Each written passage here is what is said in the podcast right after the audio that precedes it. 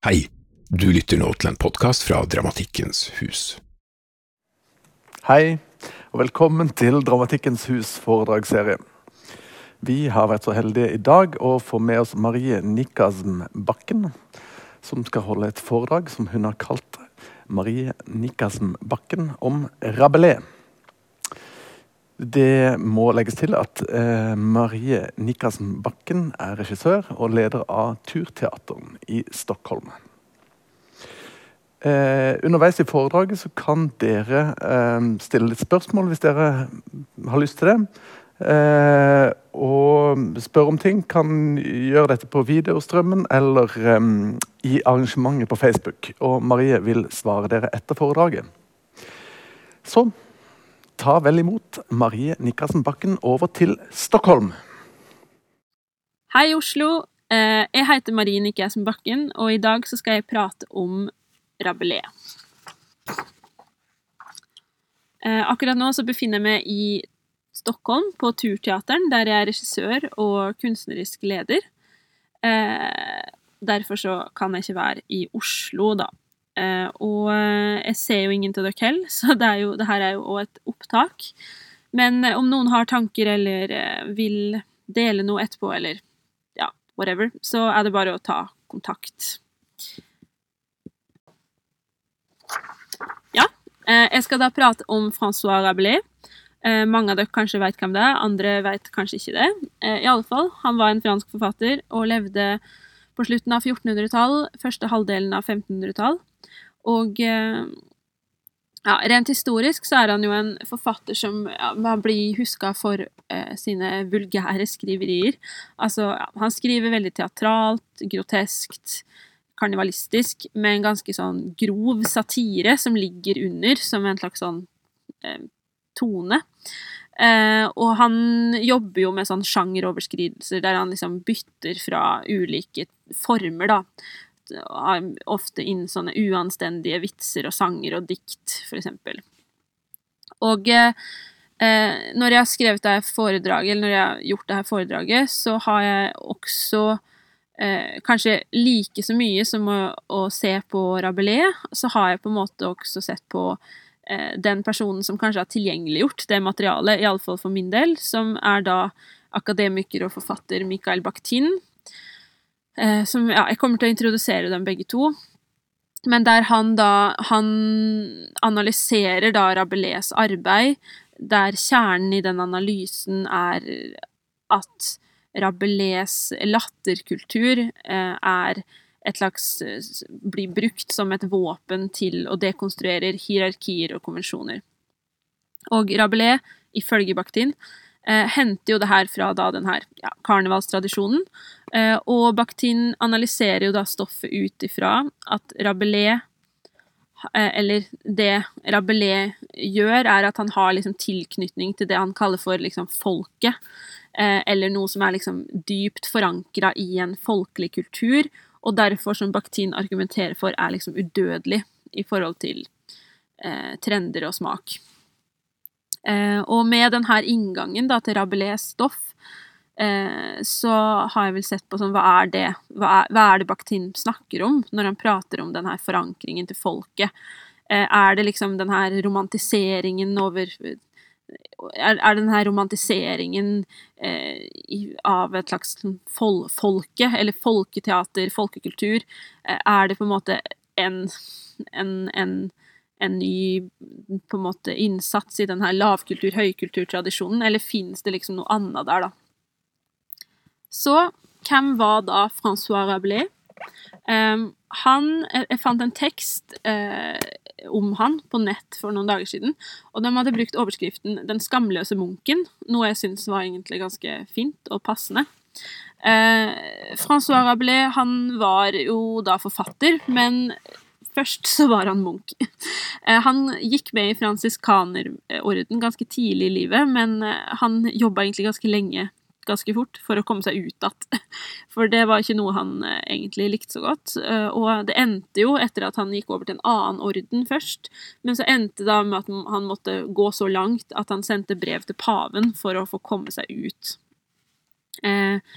Og etter det så har han studert, han studerte vel i kloster også, men han studerte i ettertid. Han har også blitt lege, og det man kaller lærd, lærd i gresk, tror jeg det var. Det skal jeg ikke si for sikkert, faktisk. Um, men han bruker jo det her religiøse motivet, eller kanskje det her antireligiøse motivet, ganske mye i tekstene sine. Uh, og det han kanskje er liksom, ja, som sagt kjent for, er jo at han fører det her parodi og satiren inn i litteraturen, og da er jo det ofte retta mot religion, og da ofte liksom klosterlivet, da, eller konseptet kloster og sølibat, noe han tenker var eh, Noe han eh, mener var liksom totalt eh, naturstridig med sølibat.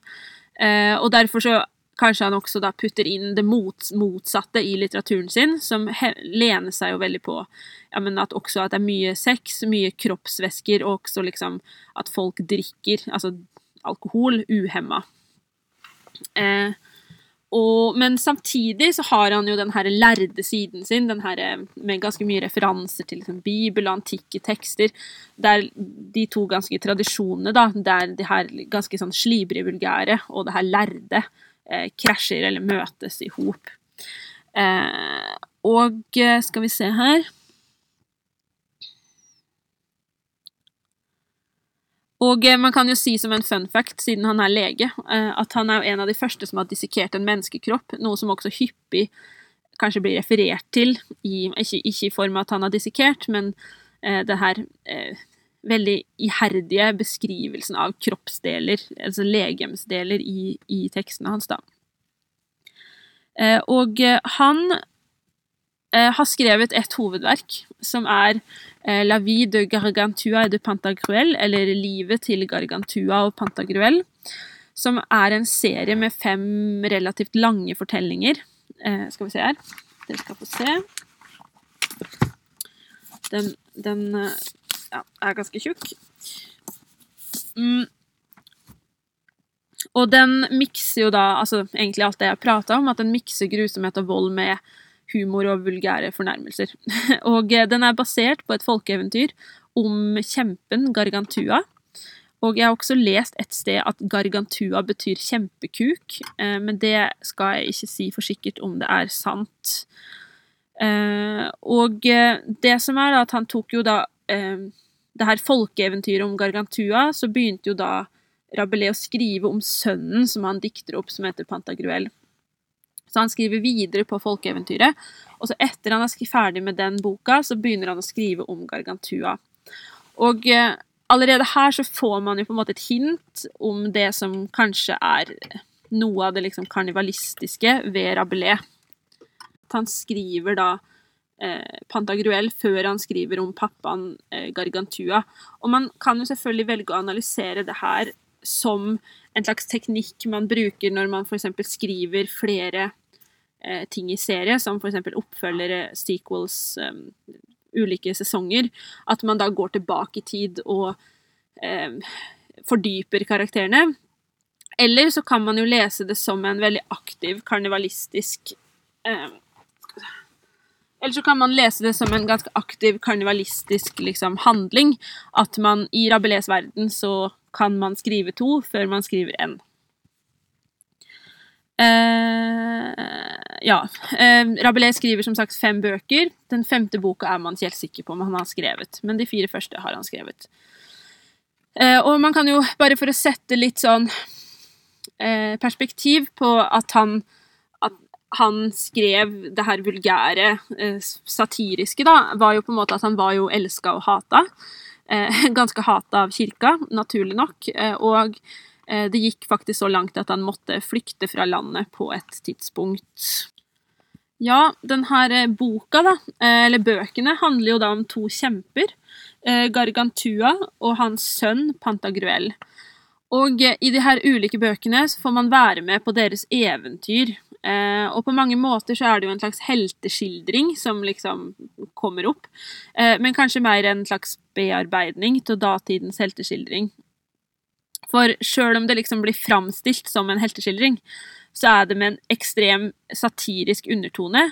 Og i tillegg til liksom de her heltedådene og store eventyrene, så er det jo Man kan nesten si at det er en slags parodi da, på en heltetradisjon, men kanskje uten at det er en Altså, Det har parodiske trekk, men det er ingen parodi. Eh, men det blir i, i, tillegg da, til å beskrive, eller det er pakka inn i det her store eventyr, store heltedåd, så er det også brukt veldig mye tid på å skildre liksom, hva karakterene eter og drikker. Eh, og i liksom, konsekvens av at man bruker veldig mye tid på å skildre hva personene eter og drikker, så er jo da prater man også veldig mye om det som kommer etter, eh, nemlig avføring eller fordøyelsesproblemer, da, forstopning, diaré etc., etc. Det er veldig mye fokus på liksom, mageregion og hva som skjer her nede. Genitalier og mageregion. Skal si litt mer om det seinere. Eh, så som dere hører, så er det jo veldig sånn satire og underholdning blanda med ganske store grusomheter og vold og vulgære fornærmelser. Så man kan jo på en måte tenke seg at han ble elska og hata, og ofte hata av kirken og elska av folket. Eh, og de her eh, bøkene, da, eh, de har en veldig sånn episodisk eh, oppdeling. Eh, det er, ganske mange kapitler i hver, i, hver, i hver, bok. Jeg kan prøve å vise sånn Altså, dere ser at det er ja, veldig mange. Eh, og det er jo på en måte et veldig sånn stort og uoversiktlig arbeid, og ganske sprikete.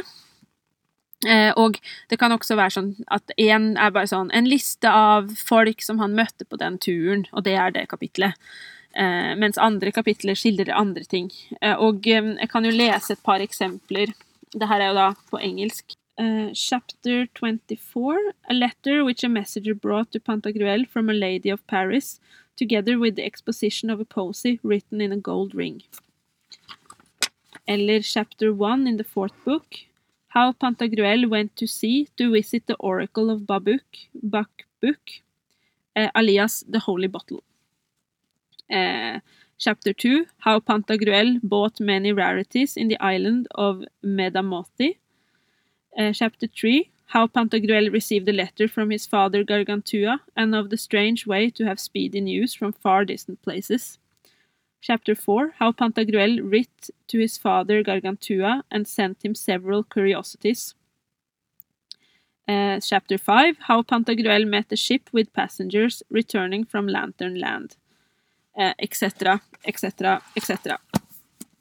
Og man kan jo si at det er jo um, Det er jo Altså rent fysisk så minner det jo på en måte litt om liksom Bibelen. Uh, det er ganske sånn massivt og veldig tynne ark. Uh, og så er det jo det her episodiske uh, Den her episodiske inndelingen med veldig liksom retta innhold. Altså tittelen sier typ hva som kommer til å skje. At det er jo på en måte ikke Det er jo ikke noen krimbok, liksom. Man sitter jo ikke og lurer i spenning hva som kommer til å skje, for det står jo i tittelen. Men det er jo snarere et arbeid der den totale skildringen av de her personenes verden og liv kommer fram, og hvordan og kanskje hvordan det er skildra, som blir det interessante eller det eposaktige. Hvordan man beskriver verden og kvaliteten på den verden, da. Og her er jo det den, her er jo den verden som er Nå gjenspeiles ikke det så veldig mye i de titlene jeg leste opp, men her er det jo en verden som er eh, basert på vulgaritet og vold liksom. Altså om for eksempel da, bare om oversettelsen av ordet gargantua virkelig er kjempekuk, så eh, er jo Det handler jo da om en kjempekuk, med andre ord. Eh, og man kan jo kanskje si da også at liksom Rabelais skrev jo i en tid der flere kanskje ideologier og verdensbilder møttes, eller liksom krasja det, det, Man kan kanskje argumentere for at man alltid lever i en tid der ulike, der ulike verdensbilder krasjer og møtes, men, men sånn, siden vi ser det med distanse, så er jo det her er krysningspunktet da, mellom den her groteske middelalderen, som kanskje var eh, forankra i eh, en annen type av kultur eh, enn eksempel den her eh, mer higen etter det liksom rene eh, klassisistiske Eller den her renessansen, der man ble veldig opptatt av lover og regler.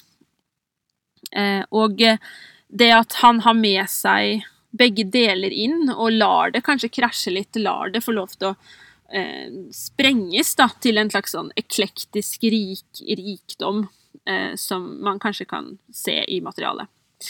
Eh, og eh, de sakene som man kan kanskje ta med seg, er vel også det, da det her karnevalstradisjonen, og eh, da kan man vel kanskje si det her eh, med at karneval i den forstand altså karneval eh, definert som et mellomrom, eller noe som et slags anarkistisk mellomrom, ikke nødvendigvis bare en parade, liksom, men en, en, et, et, mellomrom der alt kan skje, der det er anarki, det er ingen makt som kan på en måte bestemme over noen. Og også den her bildet av helvete og djevelen, eh, etc., etc. Men jeg kommer til å prate litt mer om det seinere. Eh, da tenkte jeg skulle hoppe frem i tid til 1900-tallet og Mikael Bakhtin. Jeg har faktisk inget bilde av Bakhtin, jeg har bare den her så Hvis man vil se hvordan det skrives, så kan man gå inn og se på bilder av han på Google.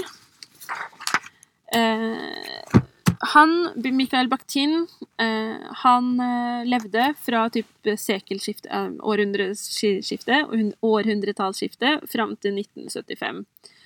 Eh, og han er vel for mange kjent mest som språkfilosof og forfatter, da. Og han er jo Han har vel vært en slags inspiratør for liksom diverse marxister og strukturalister, kritikere osv. 1900-tallstenkere.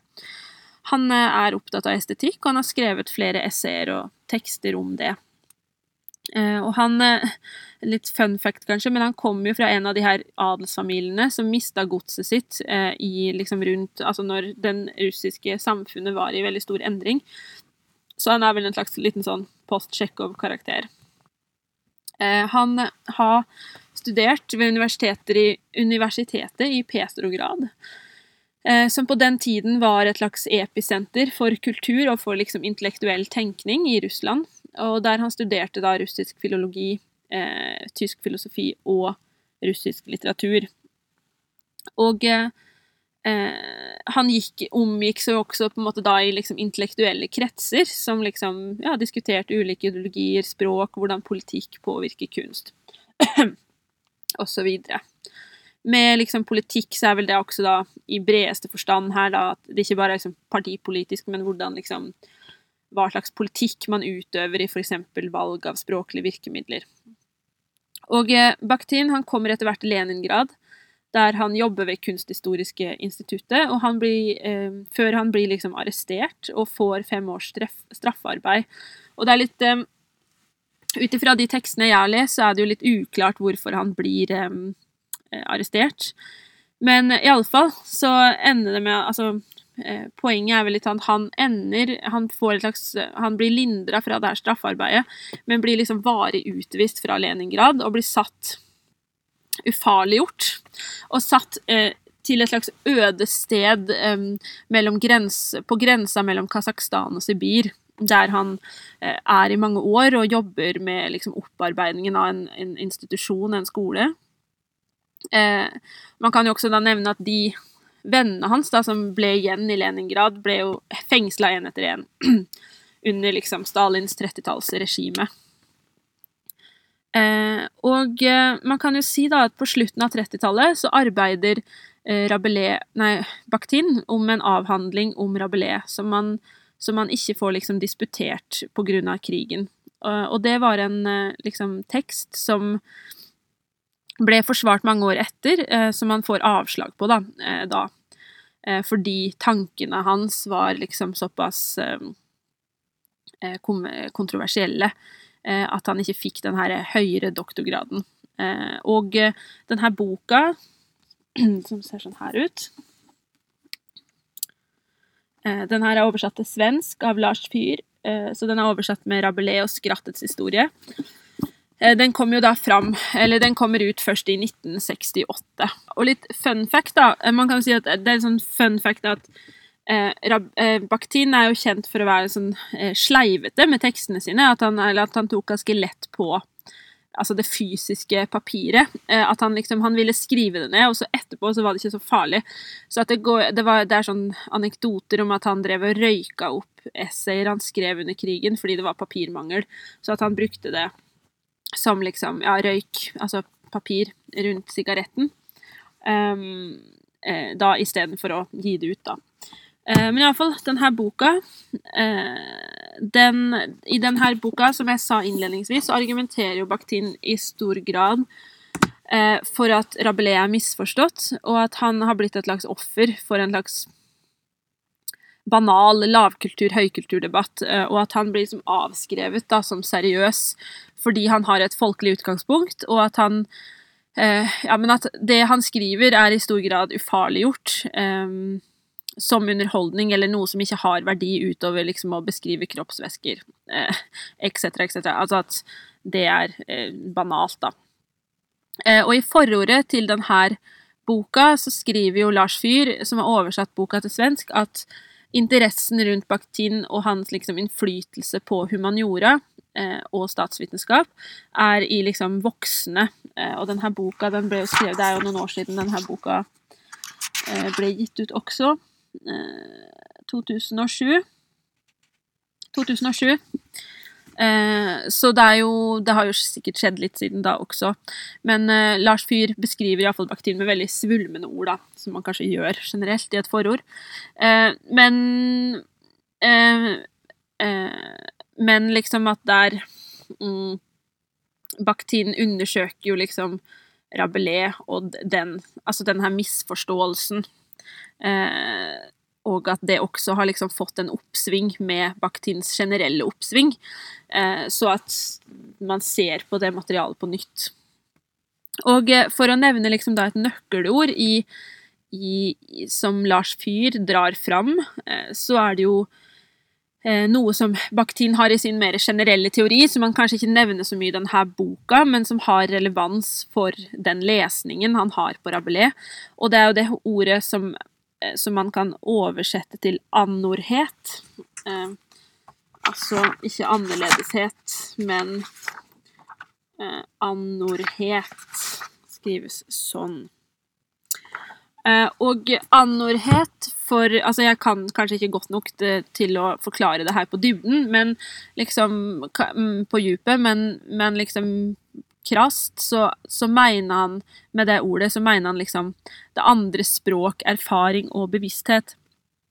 Og som Lars Fyhr også skriver i innledningen, så er det Sjåbaktin det Altså at Sjåbaktin så er anorhet noe positivt, eller noe som han tenker er forutsetning for dialog og selvrefleksjon. Eh, hvis man da eksempel sammenligner med Sartre, som også jobber med det her andre eller det fremmede, det fiendtlige. Der, der, der, er det fremmede Ja, der er det andre noe fremmed og fiendtlig. Mens hos Bakhtin så er det noe positivt og noe som En, en annerledeshet som gir eh, Som kan gi Gi noe produktivt eller noe positivt, da. Eh, og eh, ja, og det jeg tenker liksom er viktig å ha med seg inn, at, at den her Selv om Bakhtin ser den her dikotomien som også Rabelais jobber med, med den her um, um, Ja, med det her såkalt folkelige versus et slags elitistisk, så på en måte jobber han ut ifra Så jobber han ut ifra at liksom at det folkelige drar inn og i dialog jobbe framover med det her andre som man støter imot. Eh, det som ikke er seg selv. Den andres erfaringer, den andres refleksjon, den andres tanker, den andres bevissthet, da. Og som jeg sa innledningsvis, da, så er jo på en måte den her, eh, det her han, han, går jo, Bakhtin går jo såpass langt til å si at den her skratten, altså latteren, er et verktøy, et våpen, for å dekonstruere etablerte hierarkier og konvensjoner. Og, og det her, den, og, og det i seg selv, da, det å si at noe er et våpen for å dekonstruere en konvensjon, er jo en ganske kraftsalve. Altså, det er jo, det, det er jo noe farlig, liksom. Og noe som Ja, men ja, noe farlig. Eh, og, og, og, og, Men man kan jo si at liksom eh, Bakhtin ser jo på det her også da fra karnevalsprinsippet, at man da snur ting på hodet. At grenser blir utviska, og alt er lov, som jeg snakka om i stad. Det her anarkistiske vakuumet, eller mellomrommet. Og det her rommet, det skal jo være fritt fra makt. Så det vil si at hvis man da undersøker annerledesheten, så skal man ikke gjøre det i en slags undertrykkelse. Man skal gjøre det i et fritt rom. Eh, og i liksom latterens uttrykksformer og det groteske formen, som en slags sentri, sentrifugalkraft som skal liksom knuse maktens undertrykkelse, så bryter man det liksom eh, Å bryte det dogmatiske alvoret, og dermed så skal man da i det da skape de her muntre mellomrommene, der man fokuserer mot en slags positiv framtid. Eh, Lars Fyrs ord. Eh, og det er liksom kanskje da den aller største politiske kraften i det her er jo da at man ikke skaper en negativ dekonstruksjon, men en positiv dekonstruksjon. Eh, og Bakhtin han påstår jo eh, i sin eh, teori at språket elder eksisterer som et abstrakt system, men noe som er levende, som oppstår i konstant dialog. Det blir jo litt det samme, da, at man har dialog med det andre. Og eh, under et karneval, da liksom kjemper, misfostre, narrer osv. osv. går rundt, så, og så oppstår det jo da et nytt språk som lager forandring. Og ja, det her er jo liksom et eh, det, det, språket da er jo et fysisk og materielt språk som har ganske groteske, kjøttslige termer, men som kan liksom påvirke abstrakte ideer. Så det blir liksom at det her um, groteske kjøttslige møter de her abstrakte andre ideene, og liksom kan da drive en slags drive inn noe annet. En tredje sak. Men Bakhtin understreker jo at det her er et universelt prinsipp som, um, som, som, på en måte er et bildesystem som, hos det liksom han da kaller for folket, og som har en positiv klang. Altså at det her Altså de her dekonstruksjonen igjen, da, eh, og det andre. Og eh, det mest sentrale i den liksom groteske realismen, da, som man kan kalle det, er jo da den her eh, nedverdigen, eller degraderingen. At man fører ned alt som er opphøyd, f.eks. spirituelt eller ideelt, ned til et liksom kroppslig, materielt nivå, som Bakhtin sier, til det nivået der kropp og jord utgjør en uoppløselig enhet. Og hvis man ser på denne opp- og nede-dikotomien, så var den aktuell i samtiden som Rabelais skrev. Eh, eh, veldig mye med jord og himmel, eller himmel og helvete, eller det spirituelle og det kroppslige. Og videre så forklares det liksom at jorden, da, eller eh, magen i kroppslig forstand, sluker alt. Samtidig er det det som skaper liv. Altså hvis man overfører opp-ned eh, Hvis man overfører denne opp-ned-dikotomien til selve kroppen, så er liksom hodet spirit, og så er magen og genitaliene det som på en måte sluker, men også gir. Så det er liksom det som gir liv.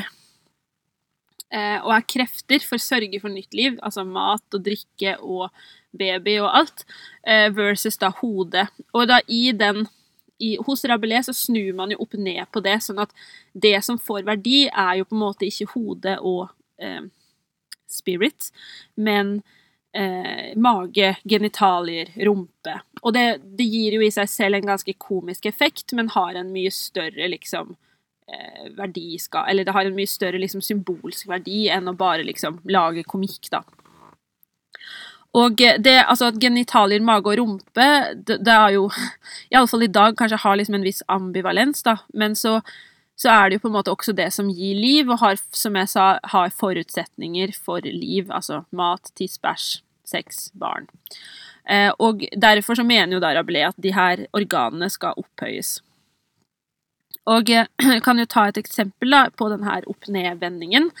Eh, og da eh, i eh, at eh, kapittel 30 i andre boka heter How Epistemon who had his head cut off, was finally healed by Panurg, and of the news which he brought from the devils and of the damned people in hell. Og I dette kapitlet så bruker da Rabelais to evangeliske under for å vende opp ned på det jordiske og det himmelske, Lasarus' oppstandelse og oppvåknelsen av Jairis datter. Og um, skal jeg skrive, lese et lite utdrag, og det her er fra den svenske oversettelsen. Eh, plötsligt började epistemon att andas, därpå öppnade han ögonen, gäspade nös och släppte en duktig fjärt. Då sade Banurg, nu är han alldeles säkert utom all fara. Eh, og her så understreker jo Bakhtin eh, opphøyelsen av det nedre. At, eller det han kaller da at har en retning ned. At denne personen, Panurg, eh, eller epistemon, mener jeg, han, han, eh, det første han gjør, er å puste. Dermed så åpner han øynene, så gjesper han, så nyser han, og så slipper han en fis. Og, mm, eh, og her så blir jo da eh, bevegelsen nedover. Det er liksom først øyne, så gjesp, så nys, og så fjert. Og, og, det er fjerten som da, som han sier, nå er han aldeles utom all fare. At liksom det er den da som blir livstegnet. At liksom anus og fjerten er liksom livets fremste kjennetegn. Um, og i det her så blir jo også da, hvis man snur opp ned, så er jo da det jordiske helvete og også helvete eh, blir jo da no, noe som er positivt. Eh, og Bakhtin skriver jo om denne fremstillingen av djevelskikkelsen, og at den kanskje ikke er like skremmende i at liksom at djevelskikkelsen har jo også forandra seg gjennom tidene. At man kanskje, hvis man ser det i en slags middelalderfremstilling, um, i en slags karnevalisk tradisjon, da, så kanskje den um, er annerledes enn f.eks. den vi kjenner fra typ romantikken og fremover. At man i denne karnevalskonteksten eh, kanskje er liksom den, Kan djevelen være med på å løse opp stemningen? Eller at man kan løse opp den her konstante redselen for evig lidelse og pine? At man da liksom har djevelen som et slags sånn eh, Jeg vet ikke hva man skal kalle det. Sånn um, comic relief? Nei, det er feil. Men um, noe som, som, kanskje ikke er like skremmende da, som man tenker at det er. At det er liksom det verste som kan skje. Eh, døden, da. Og da ser man jo her at døden Da snur man også opp og ned død og liv. At man gir døden og liksom helvete og djevelen verdi eh, framfor liv. Um, og i den ytterste, da, så at liksom man har det her naturen tar og naturen gir. Eh, og at man da har det her Jorden er fruktbar og bærer fremtiden i sitt skrev. Skritt. Ja. Um, og Bakhtin han trykker på at den der omtalen av genitaliene fremdeles liksom innenfor en karnevalskultur da eh, var positiv, og hadde liksom ikke samme heller negative klang som kanskje det allmenne bildet av det er i dag. Eh, og det, det skjer jo en endring. Eh, det skjer jo en stor endring under 1600- og 1700-tallet, som det med liksom klassisistiske inntoget kommer, at man vil slette over det her folkelige uttrykket og det groteske.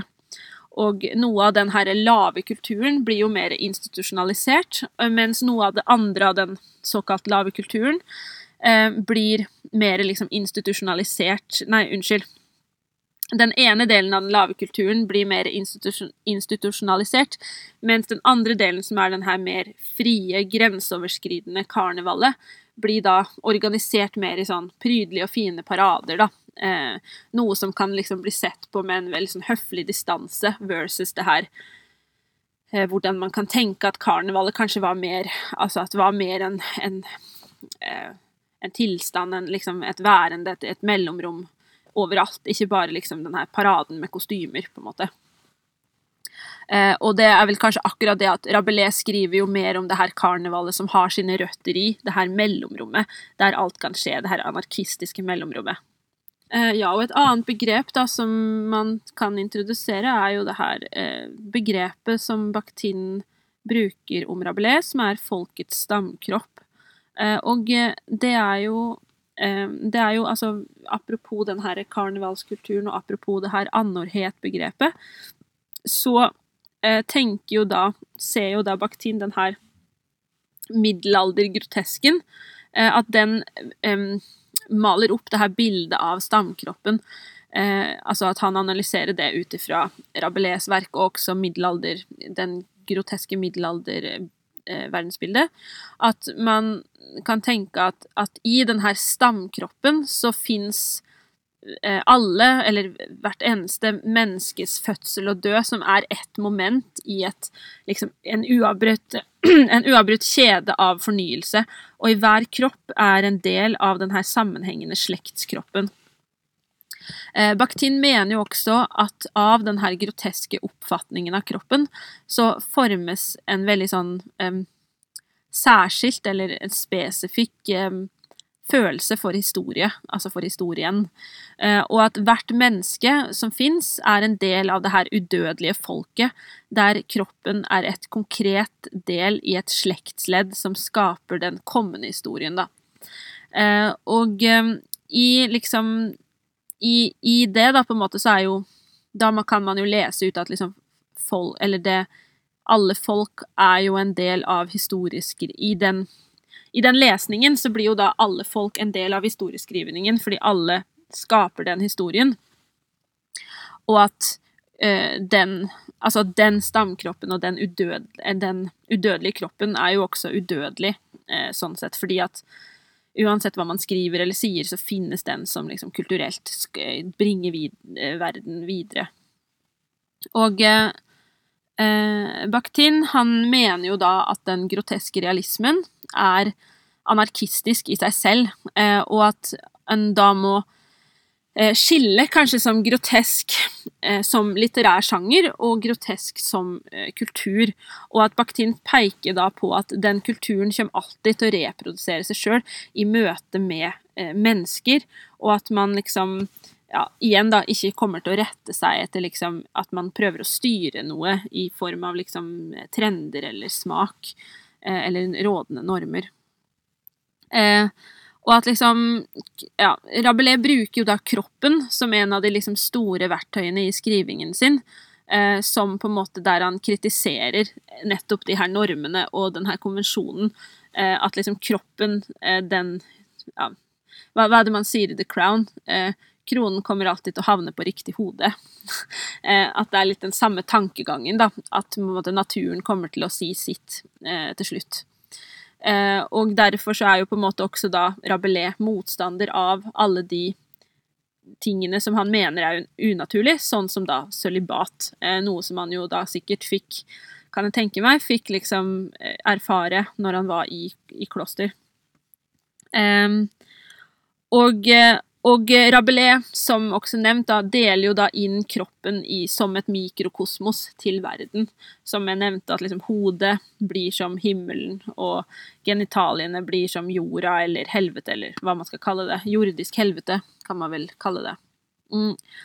Og eh, bare for å liksom illustrere litt den her eh, kroppslige, ganske eh, vulgære siden, så kan jeg på en måte ta et uh, bitte lite utdrag.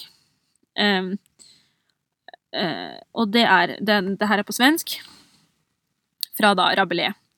Denne lilla, lidelige person brukte kjenna sine skjøterskor både her og der, raska på farten lilla åsna, og han började redan gjøre bruk av sin byxpung, hvilken hans skjøterskor varje dag prydde med vakre buketter, brokiga band, herlige blommor med prydliga tofsar og de tilbringade sin tid med å ta den mellom sine fingrar som en liten cylindrisk plåsterstång. Sedan brusto de i skratt når den spetsade, de den spetsade öronen, liksom om leken skulle fallit den i smaken. Den enade er den ene kallade den min lille lilltapp, den annan min knappnål, andra min korallgren, min sprund, min kork, min drillbor, min støtpinne, min navare, min kristallprisma, min styva leksak, mitt vinkelmått, mitt, min lilla röda köttkorv, min oskuldiga lilla testikkel. Den tillhör mig, sade den ena. Den är min, sade den andra. Jag, sade den tredje, har ingen del däri. På min ära skall jag då kappa av den. Ha, kappa av den, sade en annan. Ni skulle gjøre den illa, min fru. Brukar ni skjære av saken på barnen? Da bleve han jo harm uten svans. Da, da bleve han jo hern uten svans. Så det er liksom eh, Ja, dere skjønner tegningen. Um, og eh, da kan man jo liksom spørre hva er det Hva gjør Rabelais så interessant, og hva, hva liksom hva, hva, gjør at liksom Rabelais og Bakhtin blir Hva gjør at Bakhtin får reise til Eller hva er det liksom med Bakhtins tanker som gjør at han blir liksom arrestert og sendt til et sted i Sibir? Og hva gjør det at Rabelais liksom må flykte til Italia fordi det han skriver, er så provoserende for kirka? Og eh, jeg tenker at liksom, hvis man da igjen da ser bort fra den her lav- og høykultursdidaktikken eller diskusjonen, så, så, kan det jo finnes et potensial bortenfor det. Eh, og det, det, er jo på en måte kanskje da å eh, at det ikke handler om at å bruke, altså at det å bruke vulgært språk i seg sjøl er interessant, men kanskje det her som han beskriver, det her anarkistiske potensialet, eh, altså den farligheten i eh, i det her materialet, da, som på en måte At det han mener er liksom det her hvis man, altså hvis man ser bort ifra både det her folkebegrepet, hvis man ser bort ifra høy- og lavkultur, men tenker mer at det Rabelais forsøker å gjøre, er å skape et slags mellomrom. Han, han, prøver jo på en måte å skape et slags karneval. Eh, karneval i teksten. At det er, et, det er en sammensurium av satire, helteskildring, eh, gjetter, altså, altså, unaturlige figurer, etc., etc., etc., som på en måte mushes sammen i det her eh, sammensuriumet, da, til å liksom Litt sånn halvveis eh, stor, stor heltediktning, halvveis litt sånn husmorsporno.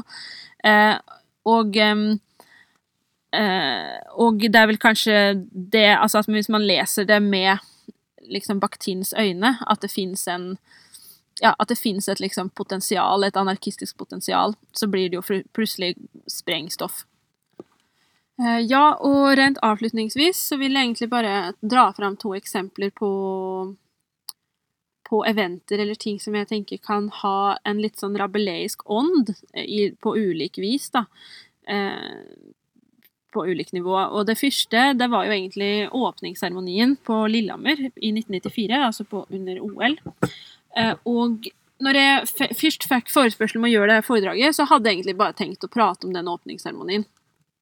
Og det er jo litt slik Jeg er jo sjøl fra Oppland, og jeg vokste opp med de OL-symbolene og den her OL-estetikken.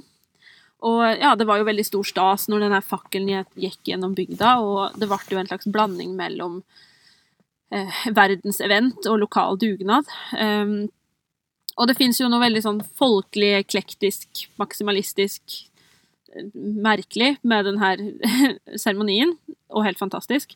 Eh, og den, jo, den, slår jo veldig på stortromma på så mange nivåer. Det er liksom norske flagg i gigantstørrelser.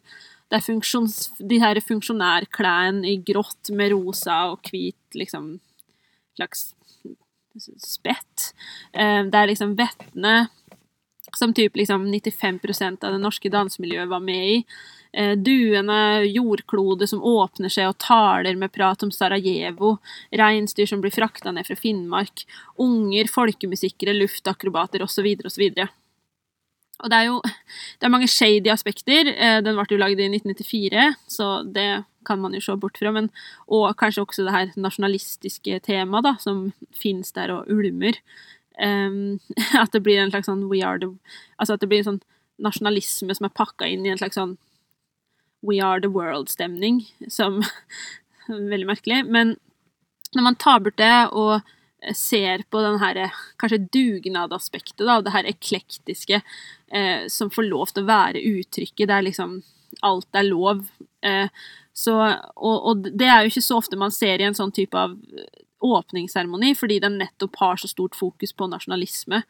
Eh, og liksom at man skal vise opp. Og det er det jo her også, men det er på en måte som at man har liksom prøvd å vise opp så mye at det liksom tipper over, da.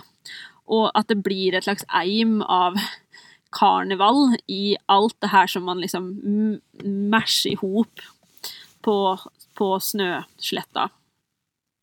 Så at det iallfall finnes en slags estetisk kobling til det her, som jeg syns er litt interessant. Og jeg skulle gjerne sett at noen, at noen analyserer den åpningsseremonien. Um, jeg oppfordrer Jeg håper noen kanskje har lyst til å um, at noen har lyst til å analysere den åpningsseremonien noen gang i framtida. Um, og se på den koblingen. Det syns jeg hadde vært veldig interessant å lese. Og jeg vil jo gå så langt som å kalle det en slags ja, milepæl i norsk performancehistorie. Eh, noe som er fordelen med å holde et uakademisk foredrag.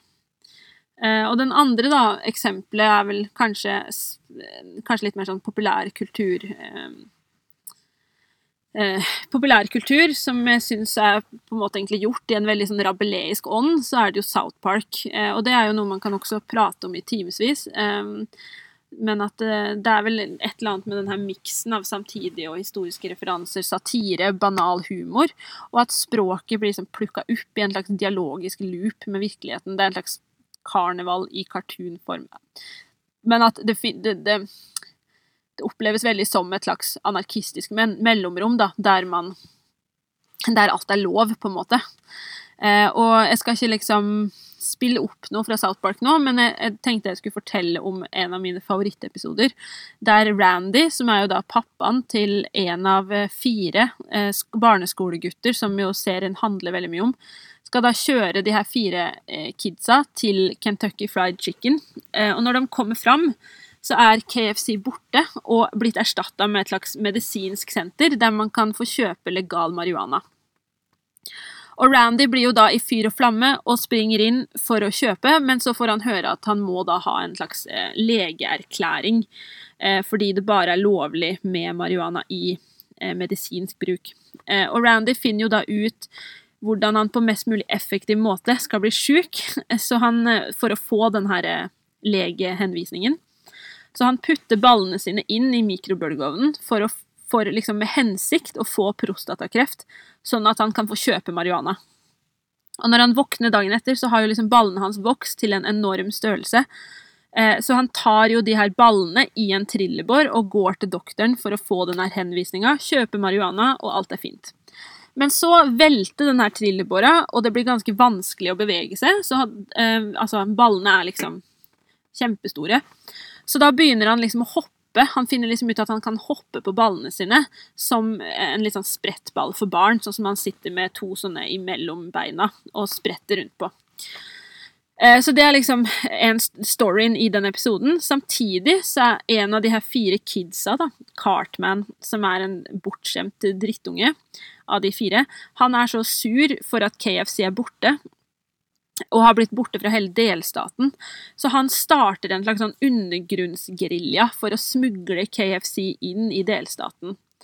Eh, ja. Som dere hører, så er jo det her en ganske sånn skamløs tilnærming til eh, Skamløs og satirisk tilnærming til liksom temaer, og det at liksom at man bruker liksom at man tuller da, med kreft, for eksempel, på denne måten, er jo på, altså det er jo på en måte på kanten. Um, og eh, det er jo, men det er jo på en måte også at man setter kanskje dagens Klarer å sette dagens samfunn på spissen med to med store liksom store motsetninger i hvordan samfunnet er bygd opp, da. Og det som kanskje også er interessant her, er jo at de tør å liksom botne seg selv i den her folkelige tonen, og der, der den lavere middelklassen og arbeiderklassen, som er hovedpersonene i serien, Eh, og, og, at de, de, får jo gjennomgå fordi de på mange måter er ganske idiotiske, men de er jo også idiotiske fordi de er en del av et, et idiotisk og voldelig samfunn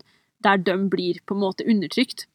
Um, og, at, uh, og at i serien, siden de tillater seg selv å være dumme, de tillater seg selv å gjøre uh, hva de vil, på en måte, da, Eh, så oppstår det jo på en måte et slags anarki i, i, i deres liksom cartoonverden. Eh, en slags alt er mulig-innstilling, eh, som, som, jo på en måte også liksom er drevet av vold og, og egoisme, men der det også fins et mål om noe positivt, da.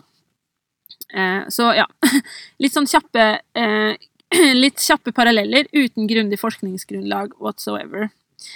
ja. Avslutningsvis, da, så ja, igjen så sitter jeg her på Turteateren. Eh, og det var jo her jeg fant fram til Rabelais og Bakhtin. Så det passa jo veldig godt å um, sitte her. Eh, jeg tror jeg skal slutte her nå. Eh, den jeg vil absolutt anbefale å lese Bakhtins 'Latterens historie', tror jeg den heter på norsk. Eh, så sponsored by Eh, veldig interessant lesning. Takk for meg. Ha en fin kveld.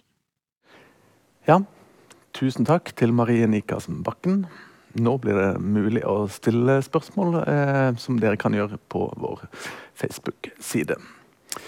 Og Da eh, er det bare å ønske spørsmålene velkommen inn, og ønske alle dere velkommen tilbake til Dramatikkens hus foredragsserie til høsten. Takk for i vår. Du har hørt en podkast fra Dramatikkens hus 2021.